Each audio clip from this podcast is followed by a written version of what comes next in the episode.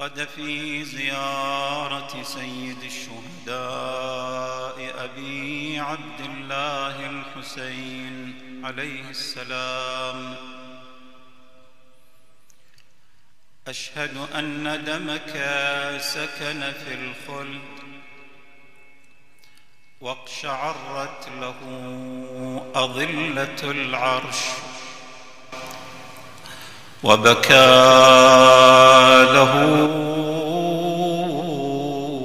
جميع الخلائق.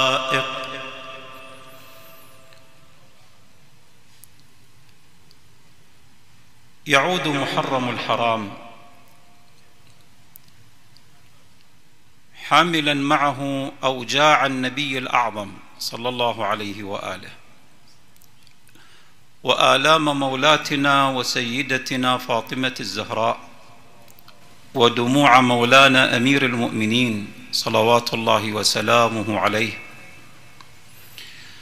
فيجدد لأهل ال لآل محمد صلوات الله عليهم أجمعين الحزن العظيم. وها هم أهل البيت صلوات الله عليهم أجمعين أصبحوا موتورين محزونين. لهذه الفاجعة الأليمة. فإنا لله وإنا إليه راجعون. رزقنا الله طلب ثأر إمامنا الحسين عليه السلام مع المهدي من آل محمد. اللهم صل على محمد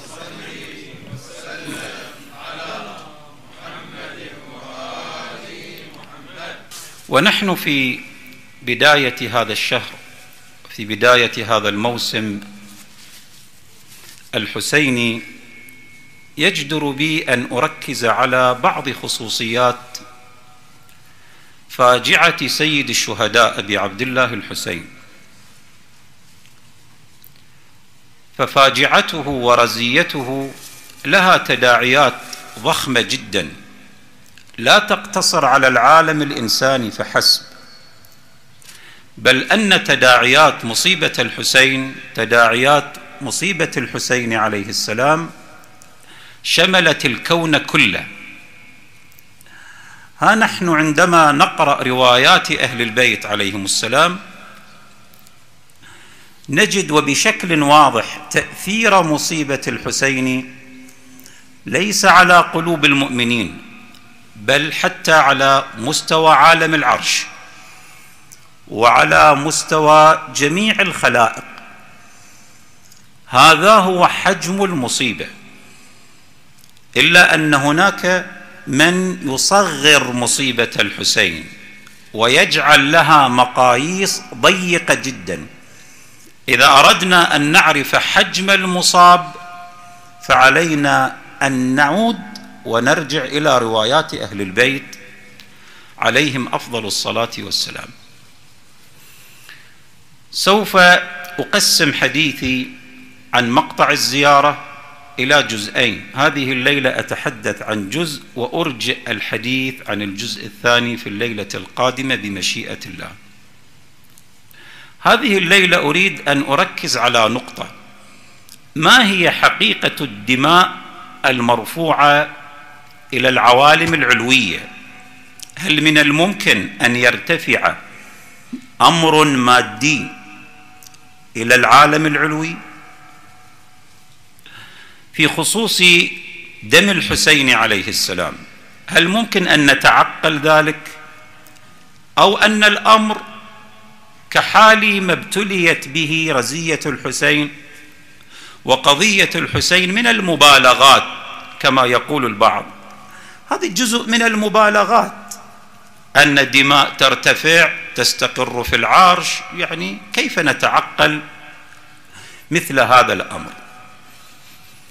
الجواب أخواني عندما نعود أخواتي المؤمنات عندما نعود إلى جملة كبيرة من الروايات ترتبط بمصرع الحسين عليه السلام نجد هذه الحقيقة. أن الحسين عندما وقع على الأرض صريعا مخضبا بالدماء. أخذ من دمائه الشريفة وخضب شيبته وقال هكذا ألقى الله وأنا مخضب بدمي ورمى بدمائه إلى السماء ولم تنزل منها قطرة. الشيخ المجلسي عليه الرحمة يقول وما عرفت السماء الحمر غير المعتادة إلا بعد أن رمى الحسين بدمائه إلى السماء فلم تنزل منها قطرة. اذا عندنا جملة من النصوص وسيأتي بعضها إن شاء الله زيادة على ذلك.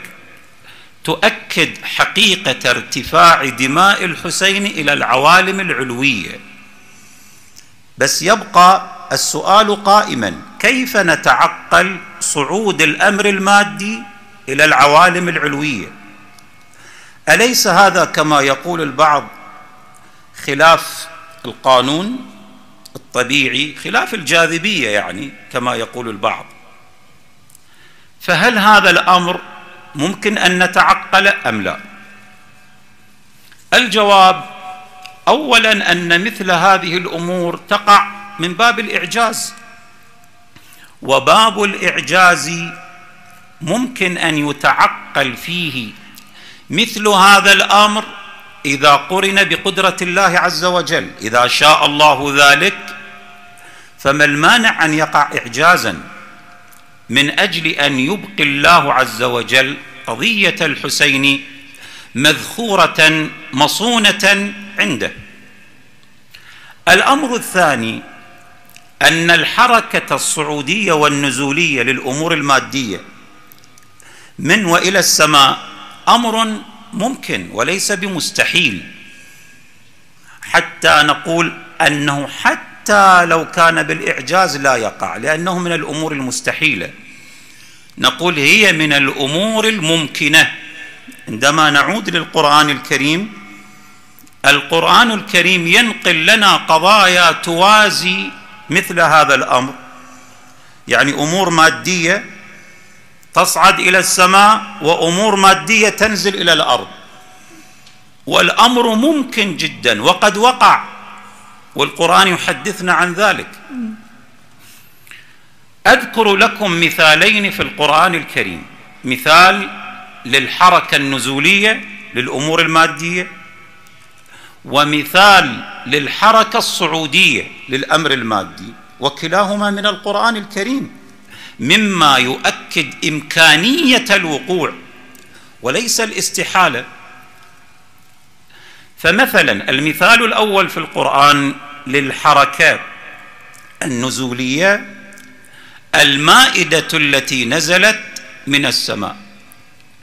إذ قال الحواريون يا عيسى ابن مريم يا عيسى يا عيسى ابن مريم هل يستطيع ربك أن ينزل علينا مائدة من السماء؟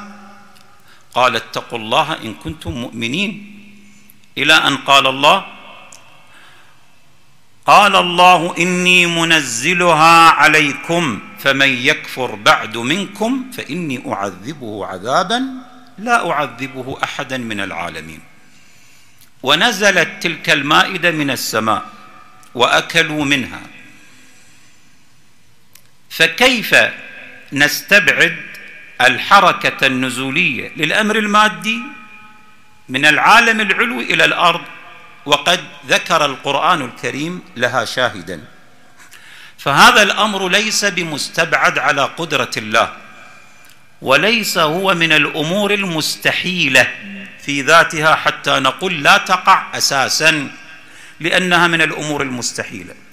هي من الأمور الممكنة ولكن في قدرة الله عز وجل إذا شاء الله سبحانه وتعالى ذلك تقع بقدرته. لا يمنع منها مانع لا عقلي ولا وقوعي مثال آخر في القرآن للحركة الصعودية التي تشابه صعود دم الحسين عليه السلام وهو أمر مادي.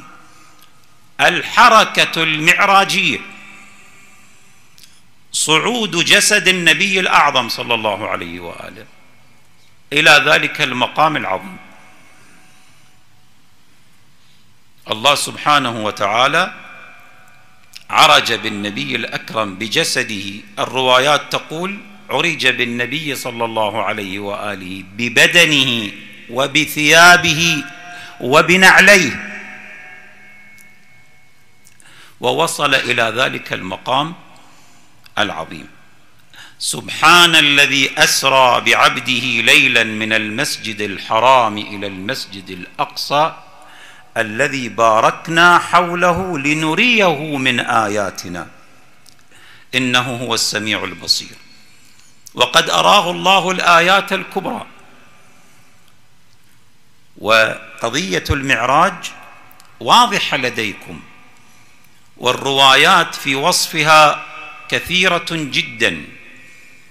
منها ما جاء عن الإمام الصادق عليه السلام. يقول أول من أجاب بلى رسول الله صلى الله عليه وآله. لأنه أقرب الخلق إلى الله عز وجل. وكان بالمكان الذي قال له جبرائيل عندما أسري به إلى السماء تقدم يا محمد فقد وطأت موطئا لم يطأه ملك مقرب ولا نبي مرسل. الحركة الصعودية المادية المعراجية من الأرض إلى العالم العلوي. هذا أمر مادي. كيف صعد إلى العالم العلوي؟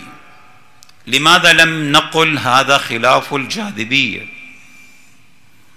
أمر إعجازي؟ شاء الله عز وجل أن يقع ذلك لحكمة ولأسرار ولعلل.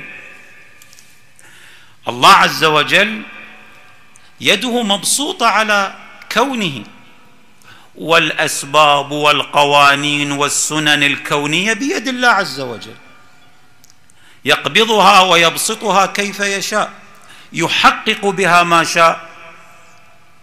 ويمنع من تحقيق ما شاء الأمر بيده سبحانه وتعالى. لكن الاستعجال في رفض القضايا غير المالوفه لكوننا لكوننا لا نألفها لم نألفها. ما عندنا أنس بها بشكل رتيب ومستمر دائم. نستغرب من وقوعها. القرآن يقول لا غرابة. هذا الأمر ممكن. وإذا قرن بقدرة الله فلا يمنع من قدرة الله شيء. مضافا إلى ذلك أن الروايات الكثيرة تؤكد أن الله رفع جسدين من أجساد الأنبياء. جسد نبي الله عيسى ونبي الله إدريس. إلى السماء. وهما جسدان ماديان. لماذا لم يقال هذا خلاف الجاذبية خلاف السنن الكونية أو القوانين؟ الله عز وجل كما رفع النبي إلي رفع النبي إلي رفع النبي عيسى رفع النبي إدريس وكلها قضايا مادية لحكم ولأسرار.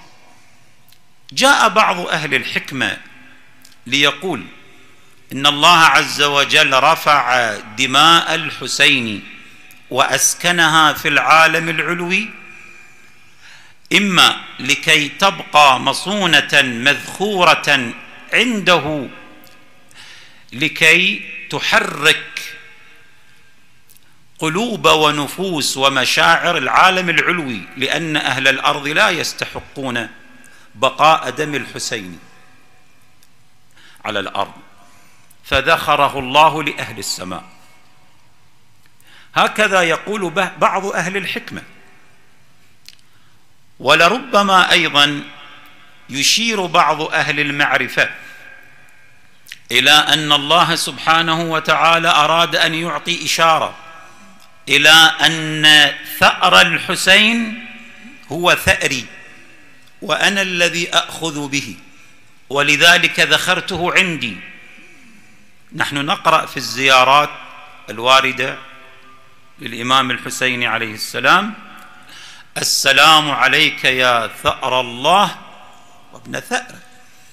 فرفع الدم إشارة إلى أن هذا الدم كان لله فذخره الله والله هو المتكفل بأخذ الثأر له.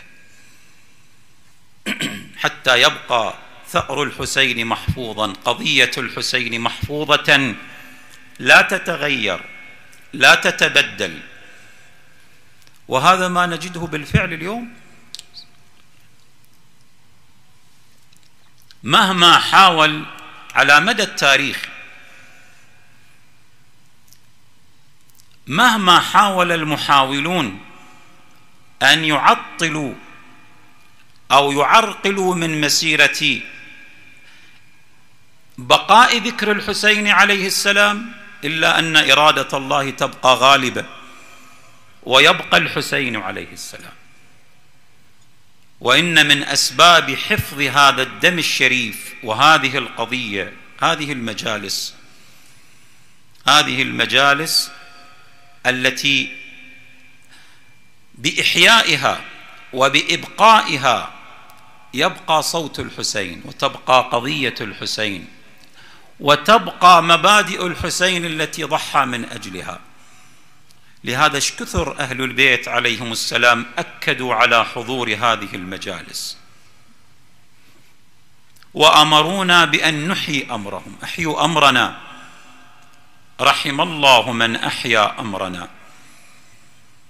وفي مثل هذه الليلة كأني بالزهراء عليه السلام وبروحها الشريفة تطوف على مجالس المعزين.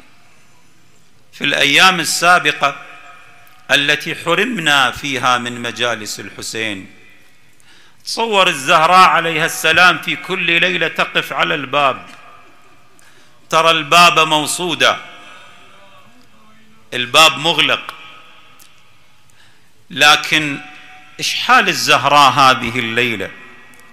إذا شافت أبواب بيوت ولدها الحسين مفتوحة وشافت المعزين ورأت الباكين هي تبحث الزهراء تدور عن الباكين هذه الليلة تدور عن اللاطمين تدور عن الذين يصرخون وحسينا وإماما.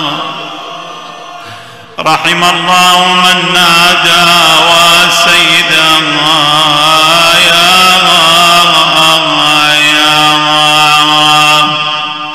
والله أدور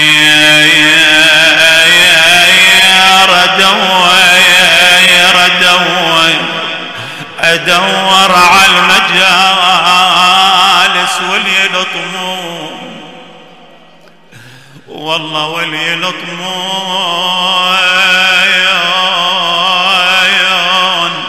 ونحضر بكل كل مجلس بيت عون.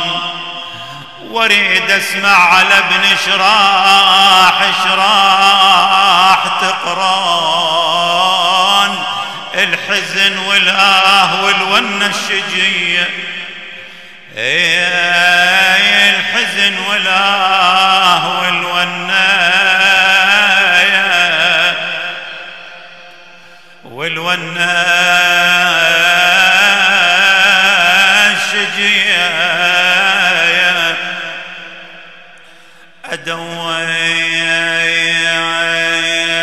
والله ادور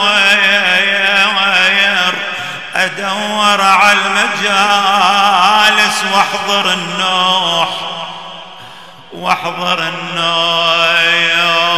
على ابن الظلام ثلاث أيام مطر والله مطروح انكسر قلبي وبعد ما تحمل الروح.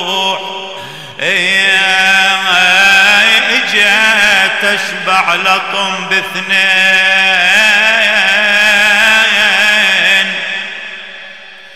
باثنين ديا مع الزهراء شوف لوعة الزهراء حرقة قلب فاطمة هذه الليلة. تريد تسمع الضجة الصيحة الصرخة. لنعوض بها عن ذلك أصوات المؤمنين التي التي الذين خلا مكانهم هذه الليلة. تقول فاطمة أدور عزام أدور على المجالس وين ما كان والله ما كان ونوحا عذب حلمات. عطشان وعلى الراحة سبي وطبت الديوان. يا ويل من أذكر سكينة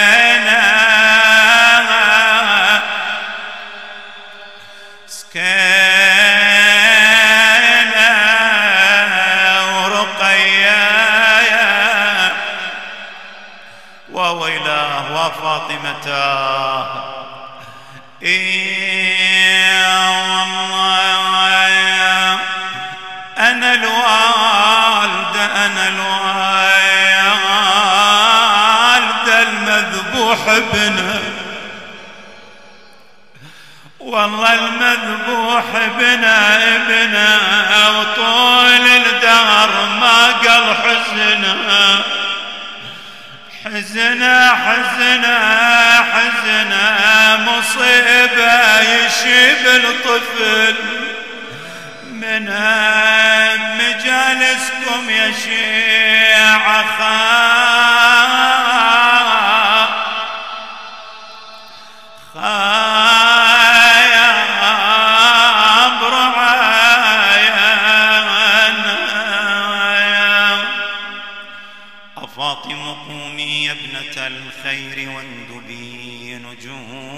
سماوات بأرض فلا